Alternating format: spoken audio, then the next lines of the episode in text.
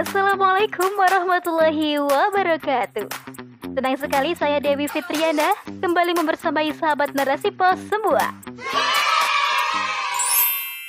Madiun dan miniatur ikon berbagai negara Oleh Firda Umaya Hai sobat, apakah kalian senang bepergian? Apakah kalian ingin pergi dengan penampilan keren tapi dana minim? Wah, pas banget nih. Kalian bisa berkunjung ke berbagai kota yang ada di Jawa Timur loh. Salah satunya adalah kota Madiun yang memiliki miniatur ikon berbagai negara. Wah, apa aja tuh? Yuk, stay tune terus ya. Terus berbenah dalam menggerakkan sektor pariwisata. Ya, mungkin itulah kalimat yang tepat untuk menunjukkan kota ini, sobat. Kota Madiun adalah kota terbesar keempat di Jawa Timur setelah Surabaya, Malang, dan Kediri. Kota ini terletak sepanjang 6 km bentang arah barat timur dan sepanjang 7,5 km bentang arah ke selatan. Kota ini memiliki luas 33,23 km persegi yang dihuni hampir 200 ribu orang pada tahun 2022. Nah, tak hanya terkenal sebagai kota pecel karena makanan khas di sana. Madiun juga terkenal sebagai kota wisata loh. Terdapat puluhan destinasi wisata, mulai dari wisata alam seperti air terjun, waduk, pegunungan, hingga wisata yang sengaja dibangun untuk menarik para wisatawan. Letak Madiun yang strategis karena berada di simpul jaringan jalan regional antara daerah Jawa Tengah dengan Jawa Timur, menjadikan Madiun menjadi salah satu kota yang ramai dikunjungi. Saat ini, salah satu destinasi wisata yang sedang banyak diperbincangkan adalah miniatur ikon berbagai negara yang ada di kota tersebut. Ya, mungkin sahabat pernah bermimpi gak sih untuk traveling ke mancanegara? Kalau mimpi kalian belum terwujud, mungkin bisa kok berkunjung ke tempat ini. Sejak akhir tahun 2022, kawasan Pahlawan Street Center atau PSG di Kota Madiun ramai dikunjungi warga dan penduduk. Pasalnya sobat, di sinilah miniatur ikon berbagai negara dibangun pemerintah setempat.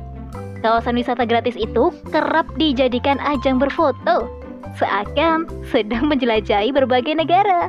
Inilah beberapa miniatur ikon negara dalam kawasan PSG. Pertama, miniatur Ka'bah di Taman Sumber Umis. Miniatur Ka'bah ini sobat awalnya adalah musola yang dapat digunakan untuk menunaikan ibadah salat.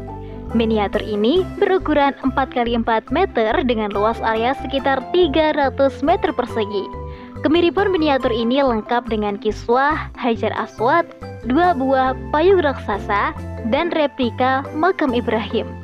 Selain untuk berfoto, tempat ini bisa digunakan untuk latihan manasik haji anak-anak PAUD dan TK loh. Miniatur Ka'bah ini adalah destinasi wisata yang paling banyak dikunjungi sepanjang tahun 2022. Bagaimana? Tempat ini sangat cocok untuk afirmasi positif kalian ke Mekah, bukan? Kedua, replika patung Merlion. Replika patung ini merupakan bangunan miniatur pertama dibangun di kawasan PSD, tepatnya 30 Desember 2020.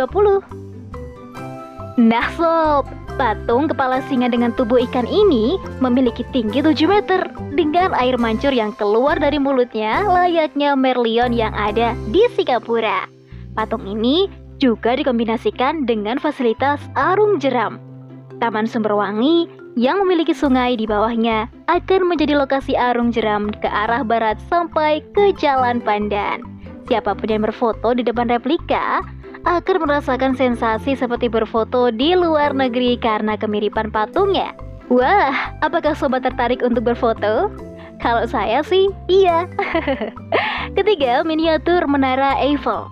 Miniatur ini merupakan miniatur ketiga yang dibangun di kawasan PSG. Miniatur ini berjarak sekitar 30 meter sebelah timur miniatur Ka'bah. Tinggi miniatur sekitar 6 meter dan berada di atas sungai dengan lebar sekitar 3 meter. Pengunjung juga dapat melihat jernihnya air sungai yang mengalir di bawah menara. Meskipun lebih pendek dari replika Merion, berfoto di bawah miniatur menara ini juga tidak kalah keren loh. Keempat, Kampung Eropa di Jalan Pahlawan. Nah, sobat, sesuai dengan namanya, kampung buatan ini memang dibuat semirip mungkin dengan suasana kehidupan di wilayah Eropa dan Selandia Baru. Terdapat banyak spot foto yang cantik serta jembatan gaya Eropa. Dan di bangunan rumah-rumah dalam kampung Eropa tersebut, pemerintah setempat menjadikannya sebagai lapak UMKM yang menyediakan beragam produk asli warga Madiun. Yang kelima, replika lokomotif kereta Shinkansen. Ini merupakan replika lokomotif kereta tercepat yang terkenal di Jepang, sobat. Replika ini memiliki lebar dan tinggi sekitar 3 meter dengan panjang mencapai 10 meter, warna putih dan menghadap ke utara. Di dalamnya terdapat banyak kerak untuk pajangan. Kemudian yang keenam, miniatur Big Ben Inggris dan kincir angin Belanda. Ya, meskipun untuk dua miniatur ini masih dalam proses pembangunan, pemerintah kota setempat optimis proyek pembangunannya akan selesai pada tahun 2023 sobat. Kedua miniatur ini telah lama direncanakan oleh pemerintah dan diharapkan dapat menarik jumlah wisatawan yang lebih besar karena akan dibuat mirip dengan aslinya. Hmm, kita tunggu saja ya. Sobat, berbagai miniatur negara yang dibangun oleh pemerintah kota Madiun menunjukkan betapa maha kuasanya Allah yang telah menciptakan akal manusia. Manusia yang lemah dan terbatas mampu menciptakan berbagai hal untuk mempertahankan eksistensinya. Akal merupakan anugerah yang Allah berikan kepada manusia agar manusia menggunakannya untuk berpikir, sehingga mampu membedakan antara kebenaran dan kebatilan. Allah Subhanahu wa taala berfirman dalam Quran surat Al-Qasas ayat 60 yang artinya dan apa saja yang diberikan kepada kamu maka itu adalah kesenangan hidup dunia dan perhiasannya. Sedang apa yang di sisi Allah adalah lebih baik dan lebih kekal. Tidakkah kamu memahami? Nah sobat, destinasi wisata di kawasan PSC yang gratis ini rupanya mampu menarik para wisatawan dari berbagai kota untuk berkunjung ke sana. Tentu saja, ini juga mempengaruhi pendapatan masyarakat sekitar. Memang sih saat ini pengembangan sektor pariwisata memang sangat gencar dilakukan oleh pemerintah dari berbagai kota di Indonesia. Sayangnya, tak semua sektor pariwisata dijadikan sebagai ajang tadabur alam untuk semakin mendekatkan diri kepada Allah. Ya gitu deh, sektor pariwisata dalam sistem kapitalisme kerap dijadikan ajang perlombaan untuk mengeruk keuntungan baik materi maupun non-materi. Tak hanya itu sobat, gencarnya pembangunan pada sektor pariwisata nyatanya justru melalaikan pemerintah untuk melindungi kekayaan alam dari upaya liberalisasi yang dilakukan oleh swasta, asing, dan asing. Waduh, miris banget kan ya? Sobat, sesungguhnya di balik diciptakannya akal manusia, Allah menginginkan manusia untuk menggunakannya sebagai kendali agar aktivitas yang dijalankan sesuai dengan syariat Islam. Berwisata sih memang boleh dalam Islam.